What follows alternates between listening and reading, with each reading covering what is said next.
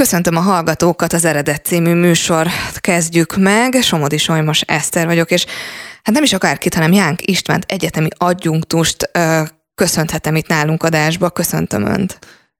Én is köszöntöm a, a hallg... Nem, ez így nem jó már. Semmi gond, kezdjük jó, egyet. Nagyon, előről. Zavarba vagyok, hogy hallom magam. A... Ugye milyen idegesítő? Igen, igen. Ha gondolja, akkor levehetésén fogok figyelni, jó? Okay. Nem, megpróbálom így, Jó. majd mindjárt megszokom én, csak Jó, még okay. így, így nem volt ilyen, hogy Semmi hogy gond. Kezdhetem akkor az Bocsánat. egészet előről, és akkor egy másik kezdéssel kezdek, mert én meg a saját mondatommal nem voltam elégedett. Köszöntöm a hallgatókat, ez itt az Eredet című műsorunk, és hát elég érdekes témával fogunk most foglalkozni, a nyelvi attitűdökkel. Én azt gondolom, hogy erről eddig keveset tudtam és hallottam, de abba bízok, hogy a mai vendégem Jánk István egyetemi adjunktus a segítségemre lesz, akit rögtön itt üdvözlök a stúdióba. Köszöntöm. Köszönöm szépen, igyekszek a segítségére lenni. Hát nagyon érdekes, mert ugye egészen pontosan a nyelvi attitűdök, nyelvi megítélés határon innen és túl a témánk ma, de talán kezdjük ott, hogy fogalom meghatározással kezdjünk, hogy mindenki tudja, hogy miről fogunk beszélgetni. Mi is ez a nyelvi attitűd? Miért fontos? A nyelvi attitűdök viszonyulások bizonyos nyelvváltozatokhoz, nyelvekhez, és különbözőképpen ítélik meg azt a nyelvhasználók, hogy a különböző nyelvváltozatok vagy nyelvek milyenek, vagy az azt beszélők milyenek. Persze ezek nem mindig reális ítéletek, ezek sokszor csak a képzelet szüleményei, tehát mondjuk azt gondolják, hogy, hogy a franciák szenvedélyesek, ez ugye egy általános attitűd, és hogyha ezt a nyelvhasználatra vonatkoztatjuk, akkor azt mondhatjuk, hogy, hogy mert a franciák olyan szenvedélyesen beszélnek, és, és olyan a nyelvhasználatuk, persze ez nem biztos, hogy azt jelenti, hogy ők valóban azok. Úgyhogy... Ó, ez nagyon érdekes, ebbe akkor egy kicsit bele is mennék. A franciákat hozta föl, és uh, ugyanezt szokták végül is mondani az olaszokra is, ott tipikus olyan nyelv. Uh, akkor ez nem mondható, hogy náluk ez a szenvedélyesség, lendületesség, ez egy attitűd? Tehát náluk akkor ez egy teljesen természetes dolog, és nem is annyira attitűdnek nevezhető? Beszélhetünk attitűdről, meg beszélhetünk sok minden másról is a nyelv kapcsán, tehát nyilvánvalóan minden nyelvnek van egy, egy ritmusa, van egy sebessége, egy gyorsasága, van egy szókészleti hangtani sajátossága, és ezeket érzékelhetjük mi úgy, hogy, hogy ezek valamilyenek, mondjuk mhm. szenvedélyesek, temperamentumosak. Az attitűd viszont azt jelenti, hogy mi ezekhez a jegyekhez hogyan viszonyulunk, mit gondolunk ezekről a jegyekről és az azt beszélőkről, illetve magáról a nyelvről vagy a nyelv változatáról. Milyen régre nyúlik vissza a nyelvi attitűd vizsgálata? Hogyan kezdődött ez az egész? Hogyha ezt egyáltalán valamilyen szinten meg lehet-e fogalmazni? Mert lehet, hogy korábban beszéltek róla, mint hogy megnevezték volna, hogy ez a nyelvi attitűd vizsgálata, de nyilván beszéltek róla az emberek. Ez nagyon érdekes dolog, mert már az ősidőktől jelen van. Tehát egészen biztosan már a Biblia is persze nem explicit és nem direkt, de hoz ilyen példát. A sibolé, szibolé szópárokkal ezt próbálják kimondatni a, a bizonyos lakos, eframbéli lakosokkal, és aki nem tudja kimondani a megfelelő alakot, az bizony megölik és ez a nyelvi diszkriminációnak egy nagyon erőteljes példája. Tehát már a Bibliában benne van, bár ez nem mint nyelvi attitűd, nem mint nyelvészeti fogalom természetesen. A nyelvészet az később kezd el foglalkozni, már az 1800-as években vannak perceptuális dialektológiai próbálkozások, vizsgálatok, tehát ez azt jelenti, hogy megnézik, hogy mit gondolnak a nyelvhasználók, a beszélők arról, hogy ők hogy beszélnek. Hát megkérdezik az adott beszélőt, hogy mit gondol, kire hasonlít az ő beszéde, kikre hasonlít az ő beszéde, és akkor ő azt mondhatja, hogy, hogy hát kérem szépen az enyém az teljesen egyedi beszéd, de azt is mondhatja, hogy hát a szomszéd falu beszélőjéhez hasonlít az én beszédem.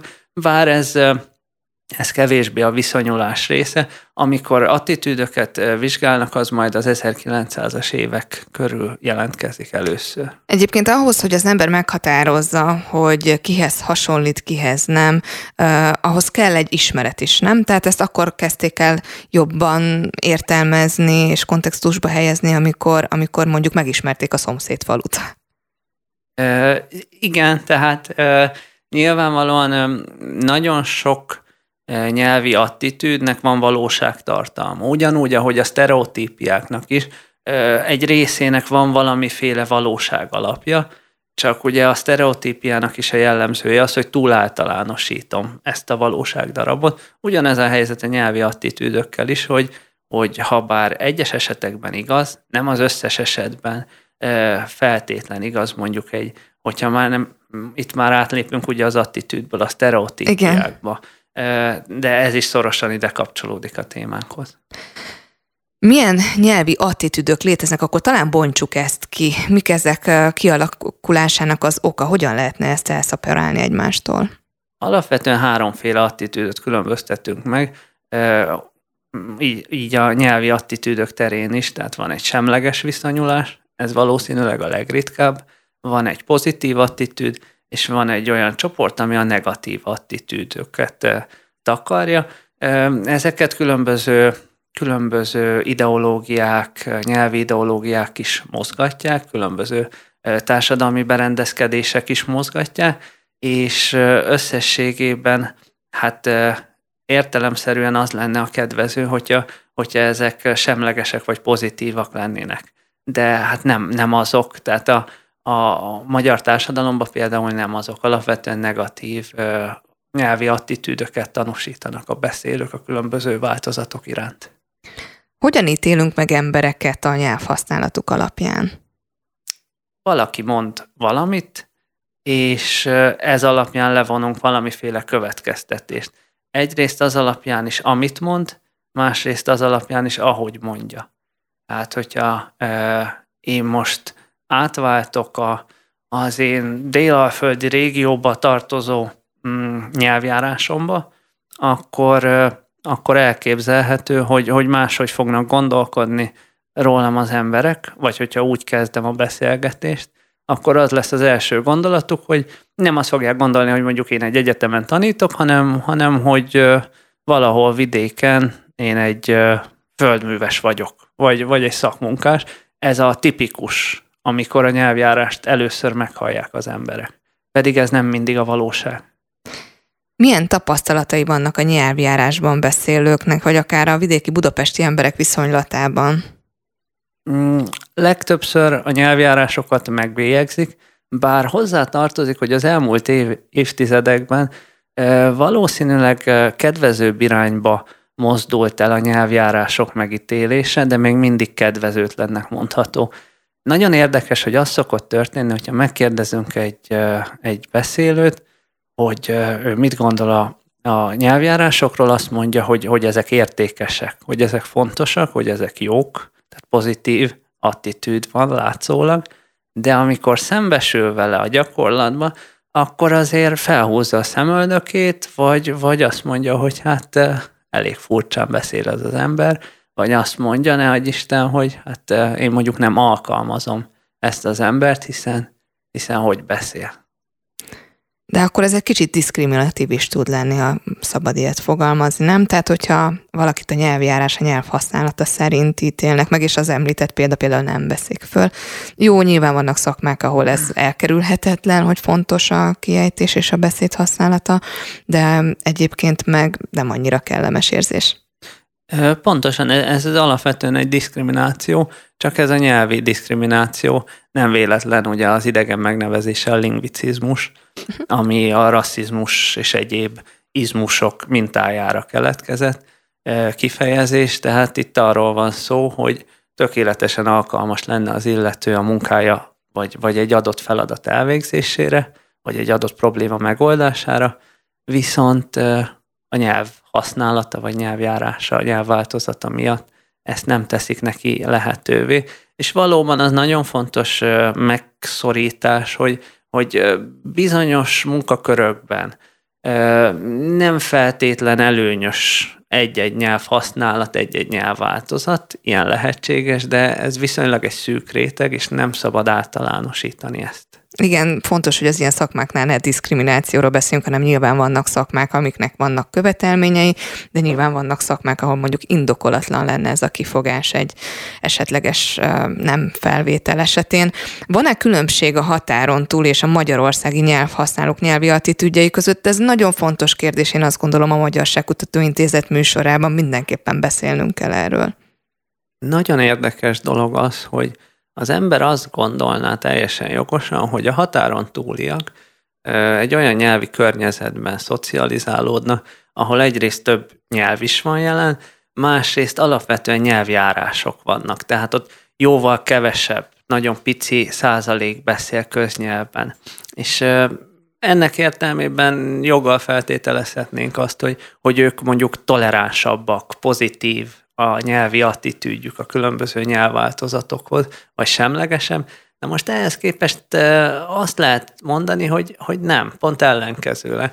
Tehát a magyarországiak valamivel toleránsabbak, ők se kifejezetten toleránsak nyelvi értelemben, de valamivel kedvezőbben ítélik meg a nyelvjárásokat.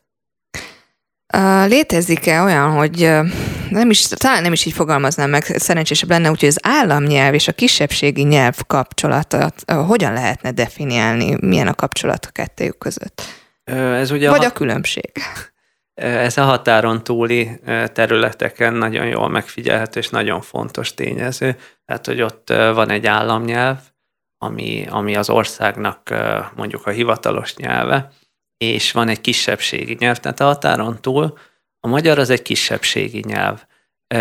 Ez azt jelenti, hogy a lakosságnak egy kisebb része beszéli, és ebből kifolyólag ugye nehezebb helyzetben vannak azok, akik ezt a kisebbségi, kisebbségi nyelvet beszéli, illetve hát a jogi szabályozás az egy nagyon meghatározó tényező, hogy, hogy mit mond a jogi szabályozás erről, hol használhatom a saját anyanyelvemet, vagy hol nem használhatom, mennyi jogom van. És ugye itt az is hozzátartozik a történethez, hogy, hogy nem csak a jogi szabályozás meghatározó, tehát nem csak az elméleti szintű jogi meg, megkötöttségek fontosak, hanem az is, hogy a gyakorlatban hogyan teljesülnek ezek. Mert hát sok helyen az van, hogy persze lehet magyarul, csak mondjuk a dokumentumok szlovákul vannak, románul vannak, ukránul vannak, és hiába van lehetőség, hogyha, hogyha ezt a gyakorlatban nem tudom abszolválni. Nem tudom, van-e azzal kapcsolatosan tapasztalata, hogy így a napjainkban milyen a szándék, az elköteleződés a határon túl a magyaroknak, hogy a nyelvüket megőrizzék? Ez egy nagyon izgalmas és nagyon jó kérdés, és, és nem biztos, hogy tudok rá egyértelmű választ adni.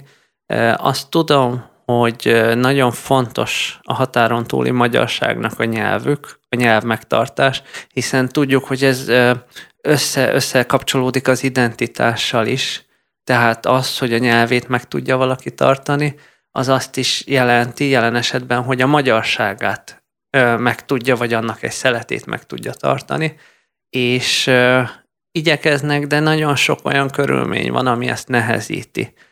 Mind, amit említettem a jogi szabályozás terén is, mind a gyakorlatban, és sokszor mm, egész egyszerűen az történik, hogy azt szeretnék a szülők, amikor mondjuk nem egy magyar iskolába iratják a gyereküket, hanem egy, egy államnyelvi iskolába, tehát mondjuk szlovák iskolába, vagy, vagy román iskolába, hogy, hogy azt szeretnék, hogy könnyebben tudjon boldogulni az a gyerek majd a későbbiekben, és akkor itt elindul egy asszimilációs folyamat.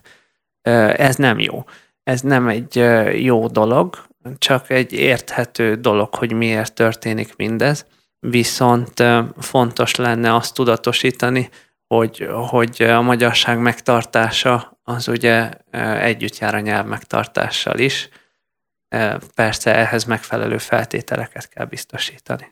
Akkor ha összefoglalhatom, akkor tulajdonképpen az azért megfigyelhető, hogy a határon túli országokban azoknál könnyebb, és lehet, hogy ott statisztikailag is kimutathatóbb, hogy könnyebben meg tudják őrizni a magyar nyelvüket, ahol a szabályozás nekik kedvez. Nyilván sokkal nehezebb egy olyan országban megtartani, főleg rohanó világunkban, egyébként mi magunk is érezzük, hogy nagyon nehéz a lépést tartani, ahol, ahol a szabályozás mondjuk kedvezőtlenebb. Igen, ez az egyik fő pillére, de, de vannak olyan határon túli területek, Szlovénia például, ahol, ahol viszonylag kedvezőbb a, a jogi helyzet, uh-huh. a nyelvpolitikai helyzet, viszont ennek ellenére is nem növekszik a magyarság száma, inkább csökken. Egy, talán egy területen növekszik, bár ugye most kimaradt a népszámlálás, úgyhogy nem tudunk Igen. pontos, a legtöbb helyen nem tudunk pontos számokat, csak tíz évvel ezelőtti adatokat, de azt látjuk, hogy mindenhol csökken, kivéve Ausztriát. Beszéltünk már róla, de talán akkor nézzünk konkrét esetet is, hogy előfordul-e, hogy nyelvhasználat miatt valakit hátrány érjen, akár verbális lekicsinylő erőszaknak legyen kitéve. Milyen tipikus ilyen esetekre lehet gondolni, mm. akár a hétköznapokban is? Nagyon sok és nagyon változatos formája van annak, hogy hogyan érhet valakit hátrány. Vannak organikus szervi eredetű nyelvi problémák, nehézségek, például siketek esetében, autisták esetében. Itt ugye elkülöníthetjük a szociolingvisztikai értelmű nyelvi hátrányt, ez amikor a szociális környezetből adódik az a hátrány, illetve elkülöníthetjük azt is, amikor ez a szervi organikus eredetű, amivel én foglalkozok, az alapvetően a szociolingvisztikai hátrány, tehát hogy, hogy hogyan beszél egy olyan, olyan családba felnövő gyerek, aki mondjuk minden nap azt, azt hallja, hogy, hogy rövid mondatokkal válaszolnak uh-huh. egymásnak, vagy kérések helyett utasításosokat hall, vagy az elvont fogalmak többsége hiányzik az ő egyéni repertoárjából nyelvi értelemben. Mi történik ezekben az esetekben? Hát az, hogy bekerül az iskolába, és az iskolába a tanárnő elvár egy bizony, vagy a tanárbácsi elvár egy bizonyos nyelvi kompetencia szintet, viszont ezzel ő nem biztos, hogy rendelkezi. Tehát mondjuk nem fogja érteni az utasításokat, nem fogja érteni az elvont fogalmakat, nem fog érteni egy csomó szót, nehezebben tudja mondjuk értelmezni az összetett mondatokat. És ez mind-mind halmozódik folyamatosan, és ezért nehezebben fog tudni érvényesülni. De nem azért, mert buta, nem azért, mert nem tanult, hanem egész egyszerűen azért, mert nyelvileg van hátrányban. De ez akkor mindez tanulási nehézséget is tud okozni, főleg, hogyha mondjuk a pedagógus nem ismeri föl, hogy nem a képességbeli hiányjal küzd a gyermek, hanem, hanem a nyelv használata más, mint az átlagos. Abszolút. Üm, nagyon erős az a, az a Na most elfelejtettem, hogy mit akartam mondani, ezt ki tudjuk. Persze, ugye? mondtam, hogy meg tudjuk vágni. Így Jó. van. E, szóval, hogy hogy mi volt a kérdés? Hogy a, a kérdés pedagógus... az, hogy akkor a, ha a pedagógus nem ismeri föl, az ugye problémát jelent, mert tanulási nehézséget is tud okozni, hogyha a pedagógus nem ismeri föl, hogy nem képességbeli hiánya van a gyerkőcnek, hanem más a nyelvhasználata, lehet, hogy egy kicsit más kulcsot kéne adni hozzá a gyereknek, hogy könnyebben menjen a tanulás. Igen, természetesen ez más tanulási zavarokhoz is vezet, és nagyon sok esetben valójában ez a, ez a probléma forrása. Azért nem tudjuk egyértelműen, mert sokszor összekapcsolódik más jellegű tanulási nehézségekkel, hiszen nagyon sok esetben ez a szociális környezet, amit hoz otthonról a gyerek, ez más iskolával kevésbé kompatibilis viselkedésformákkal is együtt jár. Tehát nem csak a nyelvhasználatot érinti, hanem más viselkedésbeli dolgokat is, és nem lehet ezt ilyen élesen elválasztani, hogy már pedig ez nyelvi hátrányból származik, a nyelvi hiányosságokból származik, vagy a nyelvi másságból származik, mert ugye a, a, ez a hátrány, ez, ez valójában egy, egy másság a szociolingvisztikai értelmében, ami azt jelenti, hogy, hogy másképp használja a nyelvet, más dolgok ö, kerülnek előtérbe az ő családjába a szocializáció során, ezért számára más lesz fontos. Mondjuk ö, nem az lesz fontos, hogy ö, egy szót négyféleképpen tudjon kifejezni, hanem az lesz fontos, hogy egyértelműen és, és határozottan tudja mondani az ő álláspontját. Érintettük az oktatást, de kíváncsi lennék, hogy van-e még ezen túl jelentősége a nyelvi attitűdöknek az oktatásban? Ezt nem biztos, hogy értettem. Tehát beszéltünk arról, hogy az oktatásban most tulajdonképpen a, a tanulási nehézségek kapcsán ugye fontos szempont ja, a nyelvi attitűd, de hogy van-e még valami, amiben igenis jelentősége van a nyelvi attitűdnek az oktatás terén? Van-e még olyan, amire nem tértünk ki, és esetleg érdekes lehet? Az biztos, hogy, hogy a tanulási nehézségek mellett sokszor fennáll az a jelenség is, és ez persze szorosan összefügg a tanulási nehézségekkel, hogy egyfajta tanult tehetetlenség alakul ki a gyerekbe, hiszen ő mondjuk készül, tanul, de, és akkor itt lép be a másik típusa ennek a nyelvi hátránynak, amikor őt megítélik, és itt jön be a nyelvi attitűd, hogy a, a pedagógus hogyan viszonyul ahhoz, amit a gyerek mondjuk elmond egy feleletnél. Ö, hogyan, hogyan fogja azt értékelni, amit a gyerek ö, kommunikál felé.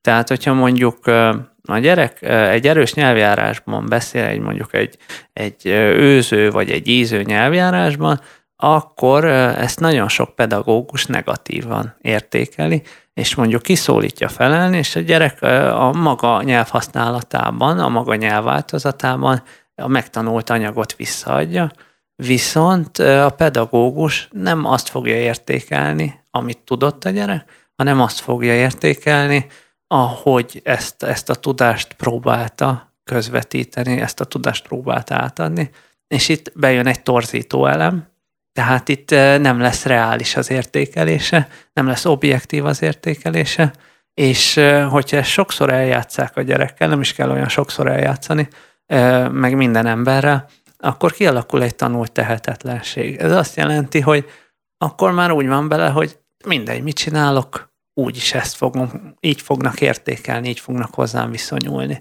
És ez a valódi veszélye ennek az egész folyamatnak, és ennek a negatív megítélésnek, hogy lehet, hogy az a gyerek nagyon tehetséges lenne, lehetne, és nagyon sokra vihetné, de nem fog tudni érvényesülni a későbbiekben emiatt.